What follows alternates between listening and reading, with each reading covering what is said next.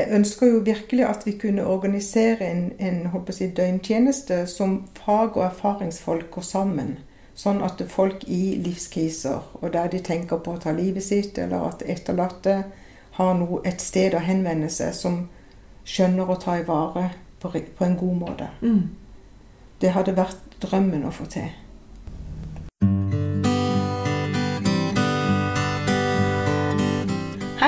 Velkommen til en ny episode av Selvmordspodden. Poenget med podkasten vår er temaet selvmord, og at ikke én til skal velge denne løsninga.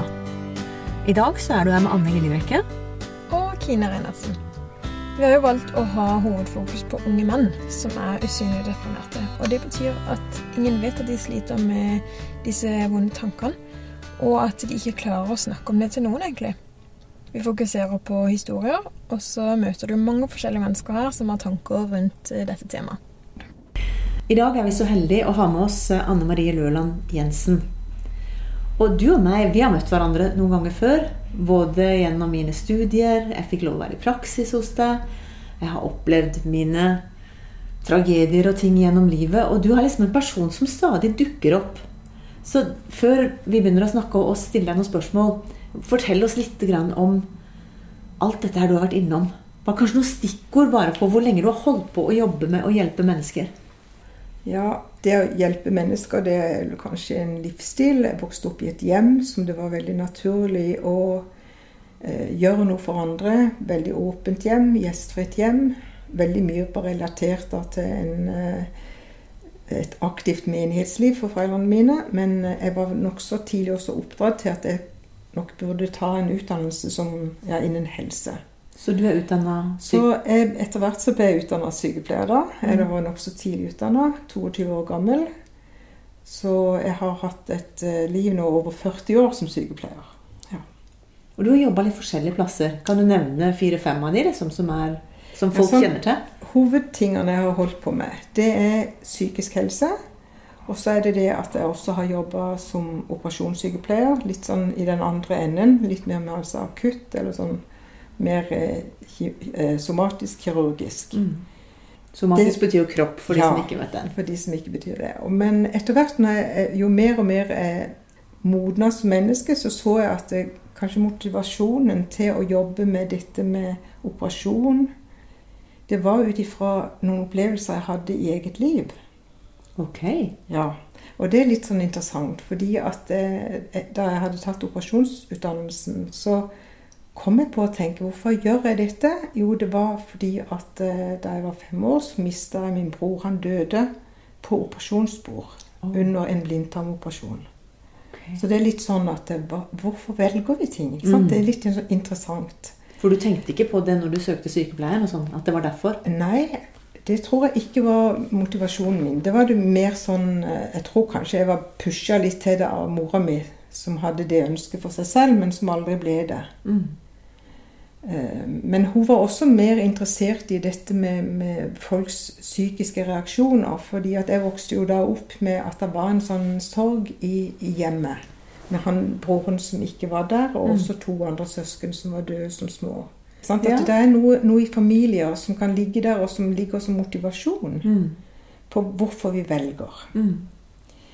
Eh, Så det, jeg tror min mor var inne på det at det er noe som altså Da var psykologi begynt som et sånt tema. Så hun var inne på det at jeg hadde ei and i familien min som jobba på såkalte nerveklinikken, og det var veldig interessant. Mm.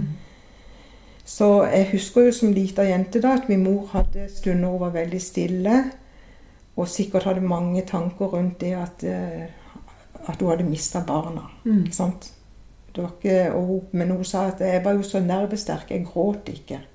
Jeg vet hun gråt med, han, med, med broren min da, som døde, men eh, Og det kalte hun for nervesterk? hun, de, ja, hun hun så på seg selv som nervesterk fordi hun ikke gråt. Mm. Men da jeg da etter hvert eh, så at jeg trivdes veldig godt med psykisk helsearbeid, så valgte jeg den retninga. Og jeg valgte det i en periode, eller gikk mot det i en periode, fordi at jeg også jobber som leder på legevakta i Kristiansand. Og der fikk jeg oppgaven med å lage til voldtektsmottak. Vi skulle ha det for regionen vår. Du virker ganske sånn djerv. Du går inn i en del sånne som folk kanskje skyr unna. Ja, det, jeg tenker jo at eh, noen ganger så må en jo si ja til hele pakka. Jeg, jeg gikk ikke inn i nødvendigvis bare for å lage det. Det var jo mer for at jeg, jeg syntes det var ok med min operasjonsbakgrunn. Så ønska jeg også å bruke det til å lage ny legevakt. Altså Gjennom livet mitt, de der eh, tingene som kan virke litt sånn Hvorfor skjer det? Altså, en kan sette det sammen til et puslespill etter hvert og så se at det har på en måte hatt en hensikt, og at en finner det større bildet etter hvert og kan bruke de ulike elementene. Mm. Men via det at jeg så at det var ganske mange livsskjebner eller menneskeskjebner som kom til legevakta om igjen og om igjen. Det kunne være folk som kom der og var, hadde lyst til å dø, og som kanskje fikk time hos en psykolog om tre uker. Og vi visste altså det mennesket kanskje gikk til eh, et hotellrom og valgte å gjøre det slutt. Altså Jeg vet om sånne saker, mm. i tillegg til at eh, jeg så at en del som opplevde eh, voldtektsforsøk, overgrep sånn av seksuell art, de var kanskje så nedbrutt at det hendte om igjen og om igjen med de. Så det er litt å se at det er noe i helsevesenet vårt som på en måte ikke finner noen god form. Folk eh, blir ikke tatt hånd om som de burde. Mm. Eller at vi har lagd så mange kategorier, og folk faller imellom stoler. Så etter legevakta så fant jeg ut at jeg ville jobbe mer, for, mer mot det å jobbe tett opp til de som hadde opplevelsene sjøl. Så jeg begynte å, å orientere meg mot eh, brukermiljøene innenfor selvhjelp. Kom borti at det var selvhjelpsgrupper for spiseforstyrrelser, i forhold til angst, i forhold til i forhold til voldtektsforsøk og, og opplevd voldtekt. Og jeg kom også inn i arbeid da ved Støttesenter mot incest. Og det som er SMSO nå? Nei, det, ja, det stemmer. det. SMSO. Ja. Men jeg var veldig altså orientert mot å forstå brukerperspektivet mer. Fordi at eh, jeg så at det kunne utfylle meg som fagperson. Det var noe i det som ikke jeg kunne matche. Mm. Jeg hadde boklig lærdom, og jeg hadde jo disse her livserfaringene eller opplevelsene med sorg i familien. Mm. Men det var så mye annet i livet som vi hadde trengt, jeg hadde trengt å bli utfylla på som fagperson. For det er veldig mange savner, opplever jeg. Mm mange som opplever problemer, enten at en i familien sliter, de sjøl sliter, så er det liksom ikke noe Den der systemtenkninga, det var noe av det som gjorde at jeg kasta mine psykiatribøker, for det funka jo ikke. Mm. For du ser bare en sånn én person og en diagnose, og så, liksom, så, så, blir ikke familien tatt med, det blir ikke fulgt opp. det blir bare liksom Og det, det er det jo mange som sier, at det jaktes bare på en diagnose, mm. og så er vi på en måte ferdig. Ja, det er på en måte utrolig trist, fordi at eh, man har jo oppnådd noe kanskje med en diagnose. Og noen kan få hjelp gjennom det, få en eh, behandling som hjelper dem, men veldig mange så stopper det opp da, og det blir bare fokus på kanskje medisinering. Mm. Og så tar det bort noen symptomer, men en får ikke virkelig komme bak det hva som lå der.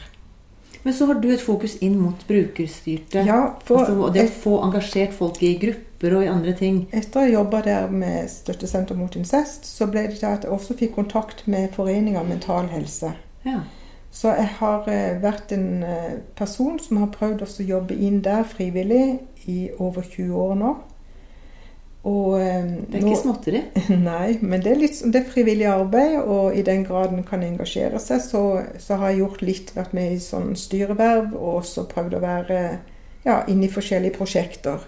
Så også eh, nå etter hvert så har det ført meg da for noen år tilbake inn til å være med å danne Brukerstyrt senter Rom Agder. Som er et, ROM, som står for Det står for Råd og muligheter, faktisk.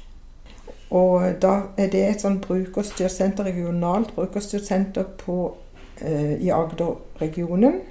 Som drives først og fremst av, i brukerperspektiv av Mental Helse og Pårørendeforeningen innen psykisk helse. Og nå etter hvert også en eh, forening som heter Flerkulturelt recovery-arbeid. Men før du går videre der, mm -hmm. det er noe av det som vi har spurt mye om i podkasten. Hvor kan folk få hjelp? Mm. Og når jeg, når jeg traff deg nå for bare et par uker sia, så er det akkurat som du har jo et nettverk av ting Så det, det fins veldig mange plasser hvor folk kan få hjelp. Men vi trenger å få det ut. liksom. Hva er det de forskjellige tingene kan gjøre? Og det er det jeg tenker du kanskje kan hjelpe oss med litt. å å si, hva er det rom kan hjelpe folk med? Ja, det, altså Rom har først og fremst kanskje hatt som mål nå å hjelpe folk til, eller hjelpe fagfolk til å forstå brukerperspektivet mye. Sånn at den er blitt brukt inn i, mot universitet og mot tjenestesteder til å være med og påvirke og formidle hva en opplever kan bli bedre. Så det driver kurs og opplæring? Så en driver kurs og også på en måte brukermedvirkning, eller det vi kaller erfaringskonsulenter eller medarbeidere, sier noe fra sitt liv inn til eh, folk som er i utdannelse eller i arbeid, hva de kan legge om og få gjort sånn at det blir enda bedre resultater. Eller at de, ja. Så, men jeg, jeg tror jo at vi har potensialet i Rom Agder til enda mer det vi kaller likepersonarbeid. Hva er det for noe? Det vil si at f.eks. Hvis, jeg har hvis jeg har opplevd en type hendelser i mitt liv, så er det veldig godt å kunne bruke det. Når jeg har, liksom klarer å snakke om det, altså f.eks. min sorg, eller de tingene jeg Hvis jeg har gått på trynet, hatt livskriser Det at jeg kan bruke noe av min livsvisdom på et vis, av den erfaringskunnskapen, til å snakke med andre og være, være med å formidle håp om at det går an å få det bedre, så, så tror jeg det at vi utfyller noe og, og, og får det altså lavterskelmøte. Så det er ikke noe krav at Så- du må ha psykiatriutdannelse Nei, for å være jeg likemann? holdt på å si helst ikke, fordi at fagfolk skal få lov til eh, eh, å stelle med det. Mm. Og jeg, jeg skiller veldig mye på meg som fagperson, egentlig, og det at jeg kan være en likeperson også. Mm. Eh, Men kan jeg være en likeperson når jeg har opplevd Thomas? Ja, er Men jeg bør kanskje vente litt til jeg har Ja, vært igjennom men- litt mer av prosessen sjøl. Ja, men det er det, en kan alltid bruke deler av det. Og så går det alltid an å si at vi, nå kan ikke jeg orke mer enn det. Mm. Det er bare å si at nå strekker ikke jeg til. Jeg må kanskje ta med litt mer av meg sjøl nå. Ja. For det kan bli veldig dumt hvis en bare går ut og så skal være, på, være hjelper Mm. fordi en har kjent på å ha det vondt. Eller kanskje sant? for å slippe litt unna. Å slippe unna. Det høres rart ut, men, Mm. men eh, det er en fristelse. Ja. Å heller bare være opptatt av andres smerte enn å tørre å, å gå gjennom de tinga en skal sjøl. Ja, så det, det er, Samtidig så blir en aldri helt bearbeidet og helt ferdig. For en kan Hæ? alltid Er vi ikke ferdig? Ja, vi skal si Altså, livet er jo noe som hender hele tida, og det er ting som kan eh, gjøre at eh, en minnes på en ny måte som kan vekke altså reaksjoner hos oss. Men en likeperson, tenker jeg, som skal brukes inn i dette Jeg tenker Ikke alle folk som har opplevd vonde ting, er i stand til å møte andre. Men hvis vi kunne ha fått eh, øvd opp, altså med små eller også lengre kurs, og også utdannelse, folk til å bli gode erfaringsformidlere, Mm. så kan dette være noe som vi kan bygge på, og som også bygges på ut i altså, sykehusene. Ansatte erfaringsfolk, erfaringskonsulenter. Kult ord, da. ja. Erfaringskonsulent. Ja, Kjempestilig ord. det er det. Og så er det også ansatt mange i eh, det som heter FACT-team. Det er sånn ambulante team som går hjem og besøker folk. Det kan en snakke mer om, men altså Ja, det det så hørtes mange kjempeinteressant Ja, ut. For det det var det. jo noe av det vi savna mest. Ja. Er vi nødt til å ringe til alle? Er vi nødt til å gå rundt? Vi orker det ikke. Mm. At det fins noen som eh, Det, det er, du kan si det er, Fagtimene Fagteamene er jo organisert sånn at de skal ut og så hjelpe, eller ha målsetning ut og hjelpe de som har psykoseproblematikk, psykoseprognotikk, først og fremst. Okay. Men det er også kommet fagteam innenfor rus og forskjellige ting. Men selve modellen, det å gå og være oppsøkende framfor at noen må komme inn til deg på, på kontoret ditt Den en terskelen kan være høy. er det er en veldig god ting at de legger rom til det. Men dette må vi snakke mer om, Anne Marie. Ja, Eh, Vi har jo ikke så mye tid på denne podkasten, men jeg tenker du, du har så mye bredde, og derfor er vi nødt til å få med Jeg har lyst til du skal si litt om Exi jeg. Vi ønsker å få til en utdannelse på Agder. Eh, Vi har sett på en modell i Tyskland som heter Exin. For det snakka Martin litt om, som var her. Martin Rafoss. Ja. Experienced involvement. Og det Ja. betyr at du bruker din erfaringskunnskap inn i møtet med folk som trenger hjelp for å på en måte finne håp og finne ny vei ut av det som har vært vanskelig. Og det jeg, jeg vil bruke Altså annonsere at dette er mulig for oss å utvikle her på Agder. Vi må bare finne modellen hvordan vi skal gjøre det. Så Exin er ikke rest, resten av Norge har ikke begynt med det? Nei, de har ikke det, men de har fått en fagskole i, som er godkjent oppe i Trøndelag ved et senter som forkortes KBT, hvis en søker på det. KBT Midt-Norge. Den, vi, den tykker vi mye om, altså. Den mm. syns vi er bra. Men vi er også nysgjerrig på om denne Exin-modellen kunne ha vært noe for oss her sør. Så spennende. ja, samtidig som det at hvis folk er interessert i å være med som likepersoner, så at de tar kontakt med Mental Helse f.eks., eller Romagder.